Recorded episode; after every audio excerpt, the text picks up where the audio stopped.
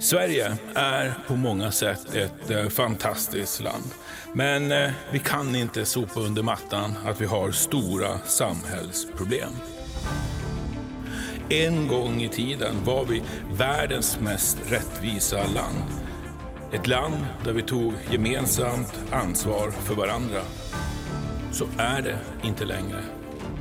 Sverige leds av en högerregering som styrs helt av Sverigedemokraterna.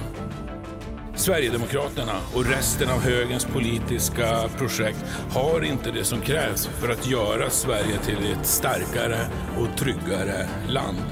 De kommer inte på allvar att ta itu med de problem som har gjort att samhällsgemenskapen har avtagit i Sverige. För att göra Sverige till ett starkare och tryggare land. Och för lite mer än ett halvår sedan så berättade jag och Magdalena Andersson att vårt parti, ja hela arbetarrörelsen ska ta sig an ett nytt stort socialdemokratiskt projekt. Nytt stort socialdemokratiskt projekt. Nytt stort socialdemokratiskt projekt.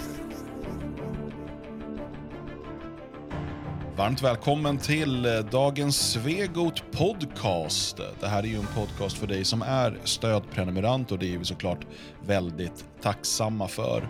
Idag så ska vi prata om eh, Socialdemokraternas fyra nya rapporter under deras projekt Ny riktning för Sverige 2030. Man ska totalt presentera 11 sådana här rapporter. Men eh, man presenterar fyra stycken hittills och de har vi eh, tittat eh, närmare på och eh, ska gå igenom dem en efter en. Och Vi som ska göra det idag det är jag, Dan Eriksson, och så är det du, Magnus Söderman.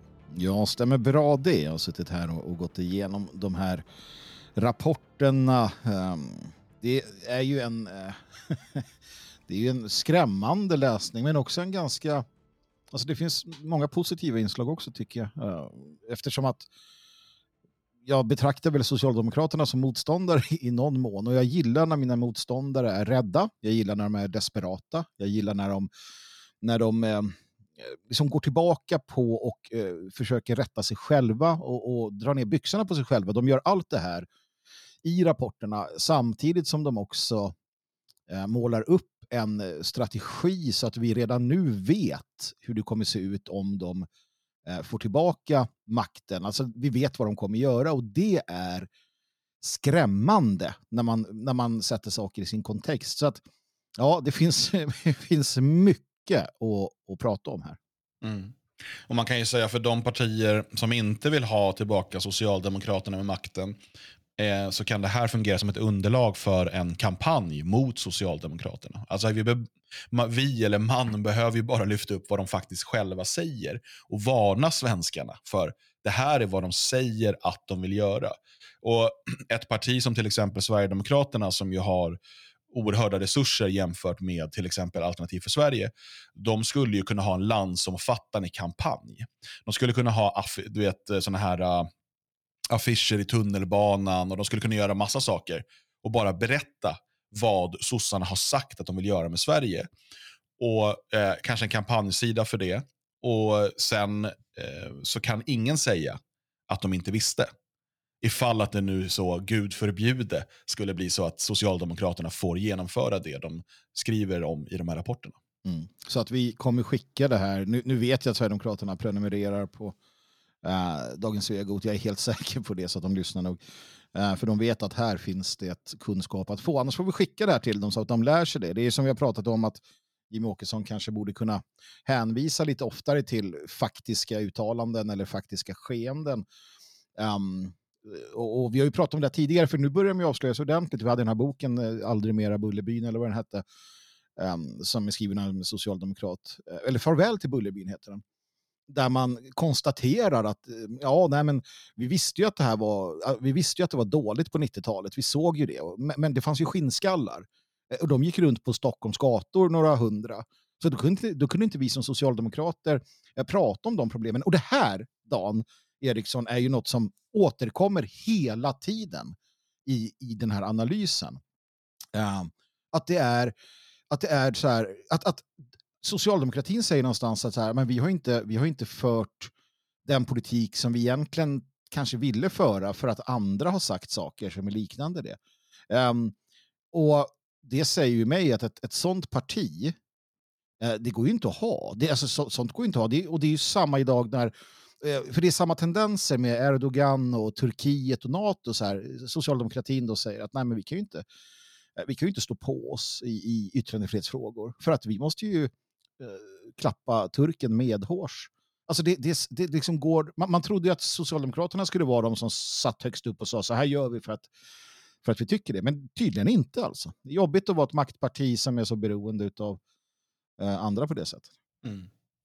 Och eh, den vanliga lyssnaren, vilket förmodligen ni alla är, eh, frågar sig var är Jalle Horn någonstans? Och det är aids igen. Det är ju det. Denna krypande aids som aldrig ger upp hans lekamen. Men eh, även Jalle har läst igenom de här rapporterna och har lovat en eh, analytisk artikel till detfriasverige.se under helgen. Så att, eh, det får vi se fram emot. När den här podcasten släpps är det den första december och det här är det andra avsnittet på den fjärde säsongen av Dagens Svegot. Varannat avsnitt på tisdagar är ju direktsänt med video och varannat avsnitt är en podcast eh, för dig som är stödprenumerant.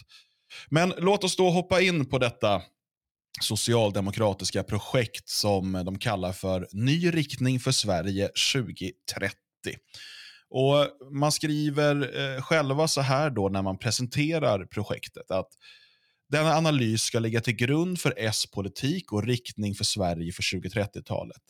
Arbetsgrupperna ska ta fram förslag och reformer för att skapa en ny samhällsgemenskap och detta ska genomsyras av rättvisa, respekt och gemensamt ansvar för att Sverige ska bli mer som Sverige. Första steget har varit att varje arbetsgrupp har dykt djupt in i samhällsproblemen och tagit fram en bred analys utifrån detta. Nästa steg är att identifiera de politiska reformer som krävs. Detta arbete ska också ligga till grund för den politik som medlemmar beslutar om på Socialdemokraternas nästa kongress. Och idag ska vi då titta närmare på fyra rapporter. Eh, jag tror att eh, framförallt kanske två av dem är mest intressanta. Men de fyra vi har eh, gått igenom, det är de som har presenterat hittills. Den första heter Ökad samhällsgemenskap genom att vi delar ett gemensamt språk. Den andra heter De kriminella gängen ska knäckas och nyrekryteringen ska stoppas. Tredje heter En ung generation med framtidstro. Och den fjärde heter Ökad samhällsgemenskap genom kultur, idrott och fritid. Så låt oss hoppa in i den första analysen. Ökad samhällsgemenskap genom att vi delar ett gemensamt språk. Den här arbetsgruppen har bestått av Laven Redar, Maria Sajeler Benam och Kristoffer Lindberg. Vad är då samhällsgemenskap? Vad är det för mål vi eftersträvar? Samhällsgemenskap och social sammanhållning det krävs för att samhällen ska fungera. Den samhälleliga gemenskapen formas genom att människor delar ett gemensamt språk, kulturella och historiska referensramar och grundläggande sociala konventioner. Samt eh, Payam Molu som har varit sekreterare. Jag vill bara, jag vill bara direkt eh, kliva in här på första sidan, omslagspappret här, det för, och konstatera att när vi lyssnar på vad de avser att göra eh, för att då eh, få, få det de vill så är det framdraget av, det är alltså uttänkt av, det är arkitekterat eller vad man säger av tre främlingar och en svensk. Det är de som man då sätter som, ni ska liksom, ja, styr, eh, så dra ut kursen för fra, Sveriges framtid. Och bara där visar man ju vad man, um, eller hur man tänker och ser på det här. Mm. Ja, nej, verkligen. Och jag tror att det är också medvetet gjort. Ja. ja. För jag antar, um, om man lyssnar också på presskonferensen, uh, så verkar det ju vara människor eh, som åtminstone talar bra svenska. Kanske är de ganska väl integrerade också. Och då ska de fungera som någon typ av jag vet inte, förebilder eller exempel på att titta, eh, Levam, Laven Redar här kan ju bete sig. Mm, ja, precis. Då kan väl ni också. um, och den här eh, rapporten, det finns eh, ganska mycket intressant i det och jag tror att det är den här som har blivit, kanske den som har blivit mest omtalad faktiskt. Eh, men jag skulle vilja börja eh, under gemenskap, svenska språket och dess hinder på sida 4. Eh, För där försöker man ge då någon typ av bakgrund till varför det har blivit så dåligt som det har blivit. Mm. Skulle jag kunna bara få ta en snabbis på trean här? Gör det. Ehm, för att jag, jag, bara, och det här kan, kan ni också, jag vill att ni tar med den här tanken. För att de säger då att eh, samhällsgemenskap och social sammanhållning krävs för att samhällen ska fungera. Eh, och det håller jag med om. Eh, den samhälleliga gemenskapen formas när människor delar ett gemensamt språk, kulturella och historiska referensramar, grundläggande sociala konventioner. Jag är överens om detta. Och vi har haft det. Sverige har varit detta. Tills socialdemokratin i princip och, och liberalerna eh, en gång i tiden tog över och förstörde allting. Eh, och tog bort homogeniteten. Eh, och då är vi där vi är idag. Så att man går tillbaka och säger att ja, men det här vi hade var ju bra. Och det har vi förstört och det är det vi behöver. Men vi behöver inte det för man säger sen att detta utesluter inte att samhällsmedlemmar har olika etniciteter. Jo, det gör det. Uh, men det är intressant att se då att ja, men vi vill ha ett bra, schysst samhälle med allt det här och vi ska få det att fungera fast det är multietniskt. Och det är här man skjuter sig själva i foten. Så ta med den grundtanken. Eh, ja, det där är ju som en röd tråd sen genom allting. Att mm. de säger att vi behöver det här. Alltså det är så här, vi, vi, behöver komma in i det här runda hålet och vi har den här fyrkantiga klossen vi ska trycka in i det. Och på något sätt ska det gå. Ja. För vi ska ha in den fyrkantiga klossen. Och det kommer göra ont. För att man, man skriver ju, och man fortsätter där efter så står det, detta utesluter inte att samhällsmedlemmar har olika etniciteter, traditioner, religioner eller modersmål. Tvärtom anser svenska folket att etnicitet är relativt oviktigt för att räknas som svensk. Och jag vill ju börja med att säga att etnicitet är ju mer än bara ras, mer än bara eh, genetik eller biologi. Etnicitet är alltså självidentifikation, det är språk, det är andra människors identifikation av dig.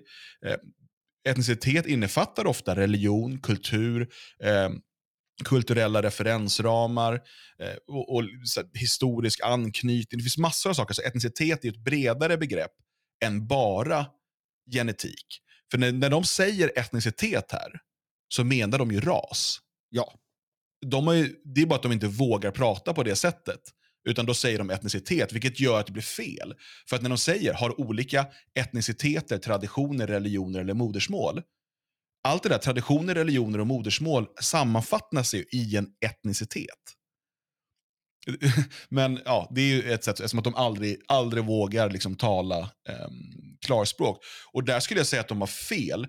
Jag håller med om att de flesta svenskar har inga problem med att en person av en annan eh, ras, alltså vi pratar om väldigt få människor, som integreras i svenska språket, svenska traditioner, eh, religion eh, och eh, liksom som, som på alla sätt förutom um, till det rent genetiska kan uppfattas som svensk, vilket kan vara fall med många adopterade till exempel. Då har de flesta svenskar inget problem med det. Men låt oss ponera att eh, vi har ett eh, Kärna Ängar av massa somalier som är muslimer, men alla pratar perfekt svenska.